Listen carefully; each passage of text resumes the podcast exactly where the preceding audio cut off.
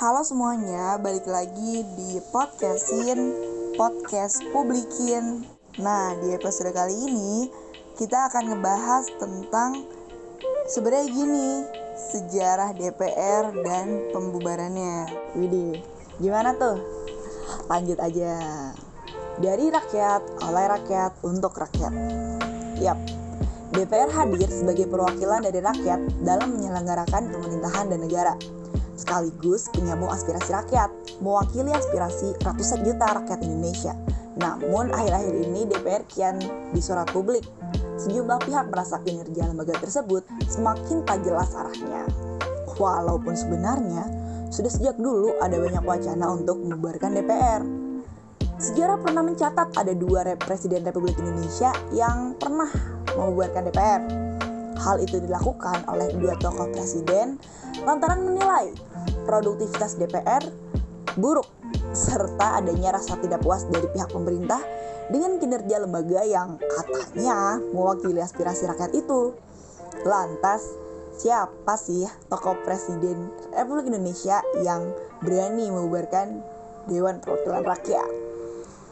Dirangkum dari berbagai sumber, berikut ulasan sejarahnya.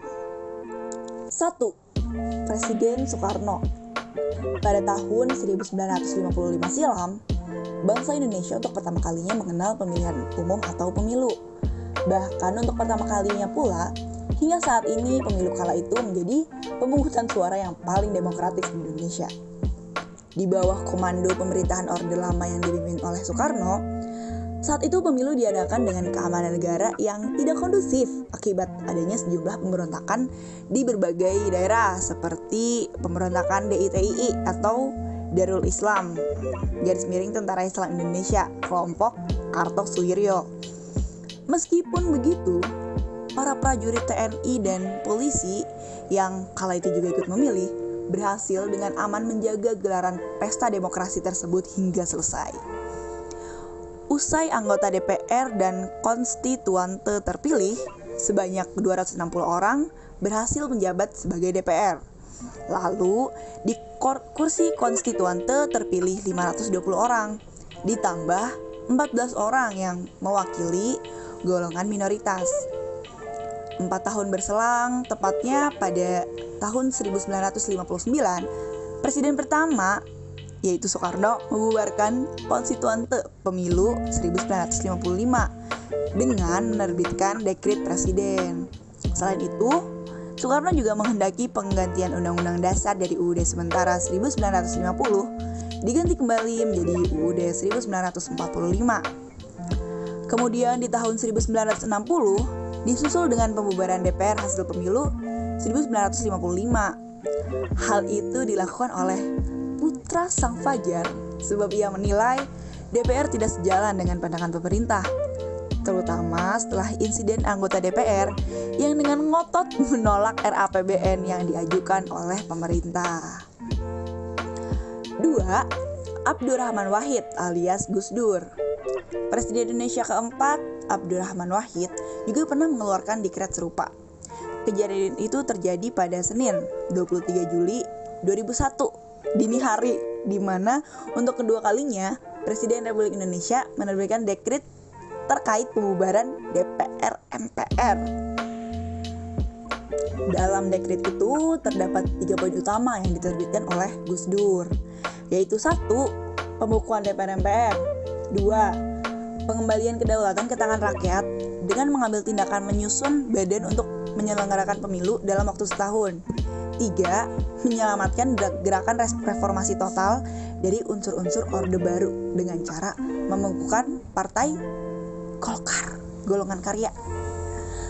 Kala itu, dekrit yang dilontarkan Gus Dur justru mendapat kecaman dari sejumlah pihak. Salah satu di antaranya adalah Wakil Presiden Megawati Soekarno Putri serta Ketua MPR Amin Rais.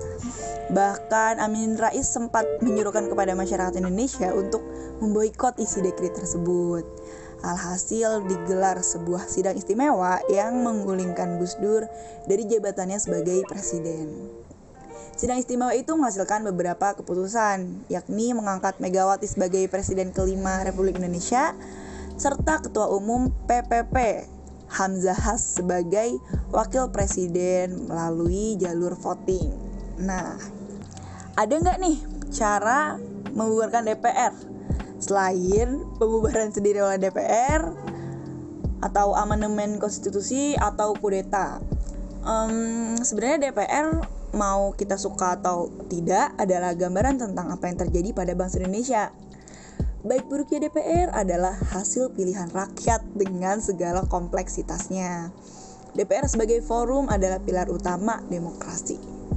Membubarkan DPR berarti merubah dasar-dasar demokrasi Indonesia yang tidak ada juga sih yang bisa menjamin hasil akhirnya akan lebih baik dari yang ada sekarang. DPR masih tetap akan ada, tapi anggotanya bisa kok diganti semua. Yang ini tidak perlu repot-repot karena setiap lima tahun sekali ya, setiap kursinya diperbutkan dan pemilihannya itu ada di tangan kita sebagai rakyat. Daripada membubarkan DPR, bagaimana kalau kita memilih anggota DPR yang benar-benar jujur dan bekerja untuk rakyat? Gimana kalau kita aja yang terus mengawasi pekerjaan anggota DPR untuk mencegah penyelewengan? sembari mempersiapkan diri kita untuk memperbaiki bangsa ini. Gimana kalau kita aja yang mendorong, mendorong partai untuk mencalonkan kader yang baik? Solusi instan seperti membubarkan DPR mungkin terlihat mudah, simple, dan diketahui hasilnya. Namun, segala sesuatu yang instan itu tidak baik, bukan?